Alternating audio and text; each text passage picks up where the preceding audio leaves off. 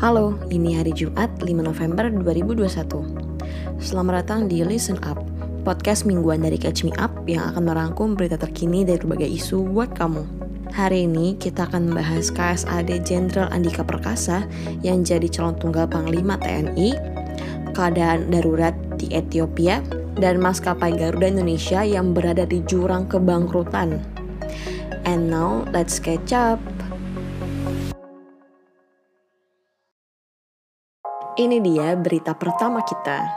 Presiden telah menyampaikan surat presiden mengenai usulan calon Panglima TNI kepada DPR RI atas nama Jenderal TNI Andika Perkasa SEMAMSC kita baru aja dengar pengumuman dari Ketua DPR RI, Ibu Puan Maharani yang menyampaikan pihaknya, dalam hal ini DPR, telah menerima surat Presiden atas penunjukan calon Panglima TNI.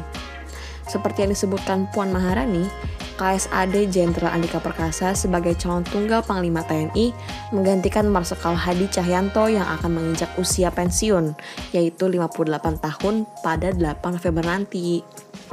Dengan demikian, DPR akan menindaklanjuti surat presiden mengenai usulan calon panglima TNI yang baru.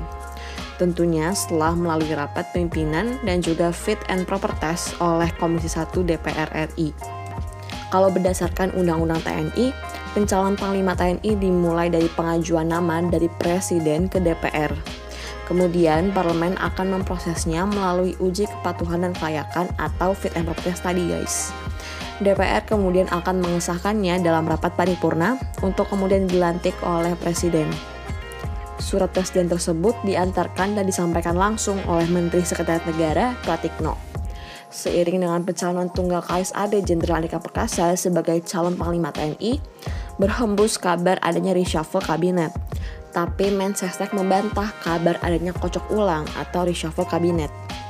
Dia juga membantah kabar yang menyebut Marsikal Hadi Cahyanto akan menduduki jabatan Kepala Staf Presiden atau KSP setelah purna tugas. Isu pergantian Panglima TNI udah bergulir sejak lama nih gengs. Selain nama Jenderal Andika Perkasa, nama lain yang sempat mencuat juga adalah Laksamada Yugo Margono. Nah, berhubung Panglima TNI Marsikal Hadi Cahyanto pensiun tinggal tiga hari lagi, DPR otomatis akan gerak cepat nih untuk menggelar fit and proper test terhadap KSAD Jenderal Andika Perkasa.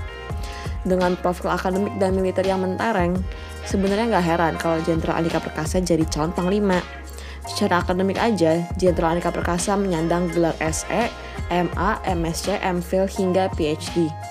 Di militer, ia adalah seorang perwira tinggi TNI AD yang menjabat sebagai Kepala Staf TNI Angkatan Darat sejak 22 November 2018 lalu. Hmm, kalau Jenderal Andika Perkasa nanti resmi dilantik jadi Panglima TNI, kira-kira siapa ya yang bakal menggantikannya sebagai KSAD?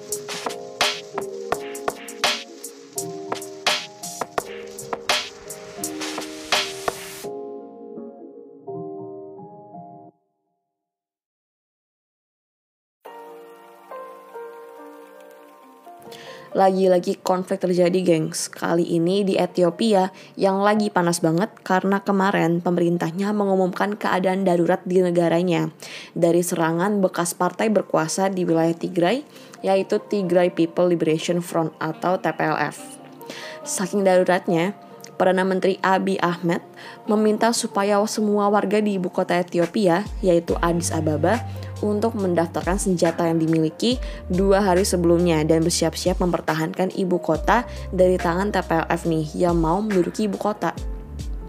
Oke, okay, so it all started since last year di mana TPLF menyatakan perang terhadap pemerintah federal Ethiopia di wilayah Tigray. Konflik ini terus berkepanjangan dan menyebabkan banyak korban. Gak cuma di Tigray aja gengs, karena TPLF menduduki wilayah-wilayah lainnya kayak kota Desi dan Kombolcha yang deketan nih sama ibu kota. Makanya ditakutkan Addis Ababa bakal jadi the next target. Beberapa waktu lalu bahkan pemerintah Ethiopia menggencarkan serangan udara untuk menghadang pergerakan TPLF. Nah, awalnya bisa berantem tuh dari sini, gengs. Jadi, TPLF nih merupakan partai yang memimpin secara nasional selama 30 tahun lebih. Tapi semua berubah ketika Abiy Ahmed menjabat sebagai Perdana Menteri, di mana TPLF perlahan-lahan mulai kehilangan pengaruhnya terhadap negara tersebut.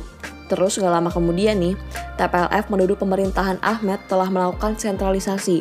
Padahal Ethiopia sendiri merupakan negara federasi di mana tiap wilayahnya tuh punya otoritasnya sendiri. Of course, Ahmed menentang hal tersebut dan bikin tensi di antara keduanya makin meningkat. Sampai akhirnya ke pendudukan kota-kota ini deh juru bicara TPLF Getachew Reda yang bilang kalau setelah mereka berhasil menduduki Addis Ababa, mereka bakal mengukuhkan pemerintahan dan mereka bakal bikin pemerintahan interim buat menggantikan Ahmed dan jajarannya. Sedangkan kalau dari segi pemerintahannya Ahmed sendiri, mereka bilang mau mengadili pimpinan TPLF karena udah melakukan pelanggaran HAM berat, kayak membunuh 100 anak muda di Kombucha. Ternyata nih tapi setelah dilakukan penyelidikan oleh PBB, ditemukan kalau ternyata semua pihak yang terlibat dalam konflik ini melakukan pelanggaran HAM berat. Nggak cuma TPLF doang guys. Pemerintah, baik federal maupun wilayah, juga diketahui melakukan berbagai kejahatan yang disebut oleh PBB sebagai violations of international human rights, humanitarian, and refugee law, some of which may amount to war crimes and crimes against humanity. Contohnya adalah pemerintah di wilayah Amhara dan Eritrea yang diketahui melakukan berbagai pelanggaran HAM dalam bentuk pembunuhan extrajudicial, penyiksaan, kekerasan seksual dan berbasis gender, kekerasan terhadap refugees, dan pemindahan paksa masyarakat sipil. It's so messed up, sampai-sampai kemarin Presiden Amerika Serikat Joe Biden bilang bakal ngasih sanksi ke Ethiopia dengan mencabut negara tersebut dari daftar negara yang ada di African Growth and Opportunity Act atau AGOA Trade Agreement. Artinya Ethiopia nggak bakal dapat bebas pajak lagi nih dalam perdagangannya dengan AS. Sama kayak PBB, Biden juga beranggapan kalau yang terjadi di Ethiopia ini adalah pelanggaran HAM berat dan pemerintah federal juga merupakan pihak yang salah. FYI, investigasi yang dilakukan oleh UN Human Rights Council atau UNHRC ini bekerjasama dengan lembaga pemerintah federal Ethiopian Human Rights Commission atau EHRC. Makanya pihak TPLF awalnya menggertak keduanya karena dianggap gak imparsial. Karena kan ada sakit pautnya nih sama pemerintah federal Ethiopia yang merupakan salah satu yang diperiksa juga. Tapi kepala UNHRC Michelle Bachelet mastiin kalau investigasi ini sifatnya imparsial dan fokus ke pendataan pelanggaran HAM yang terjadi di Ethiopia selama konflik berlangsung. Dan hasilnya ditemukan kalau semua pihak bersalah.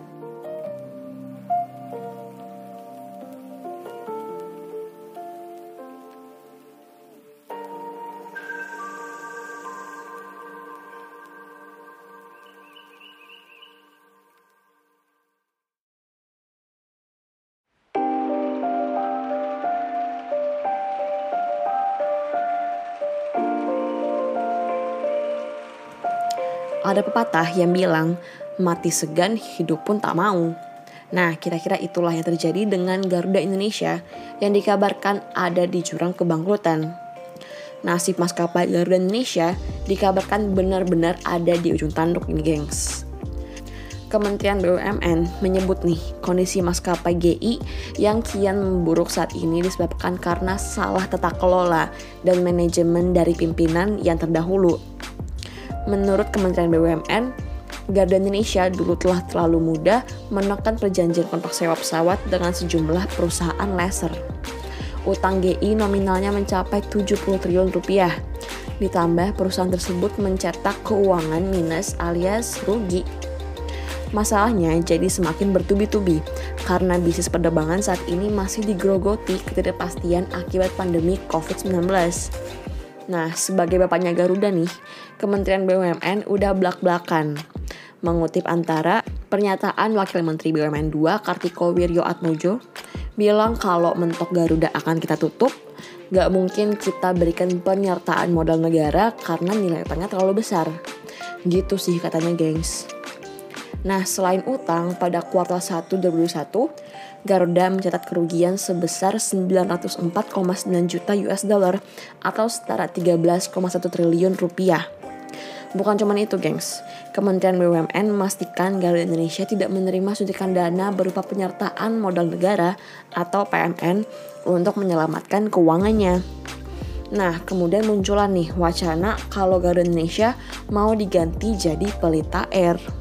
Hal ini sebagai antisipasi nih apabila restrukturisasi dan negosiasi yang sedang dijalani oleh Garuda gak berjalan dengan mulus.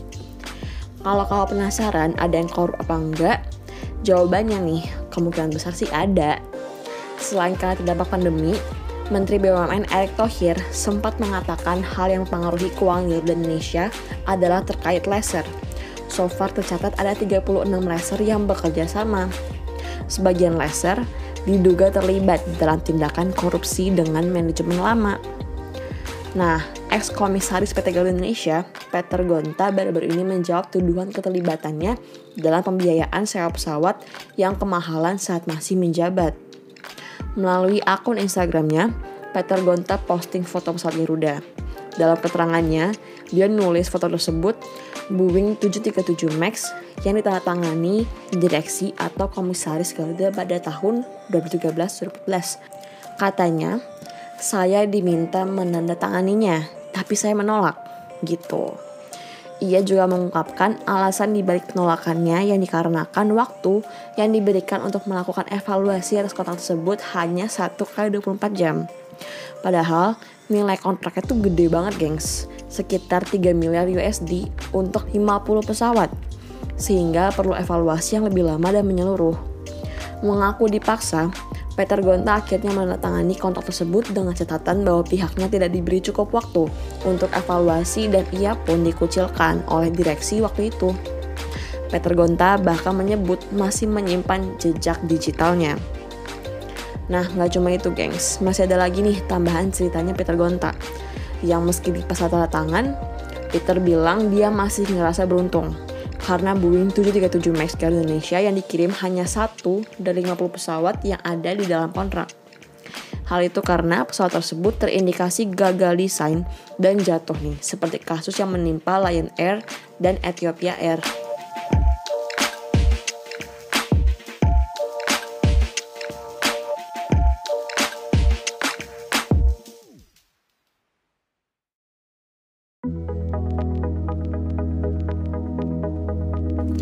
Ada berita-berita menarik lainnya. Subscribe newsletter Catch Me Up, follow juga sosial media Catch Me Up untuk dapetin semua informasinya. Demikian Listen Up hari ini. Sampai jumpa di minggu depan. Stay safe and stay healthy ya guys. Have a nice weekend. See you.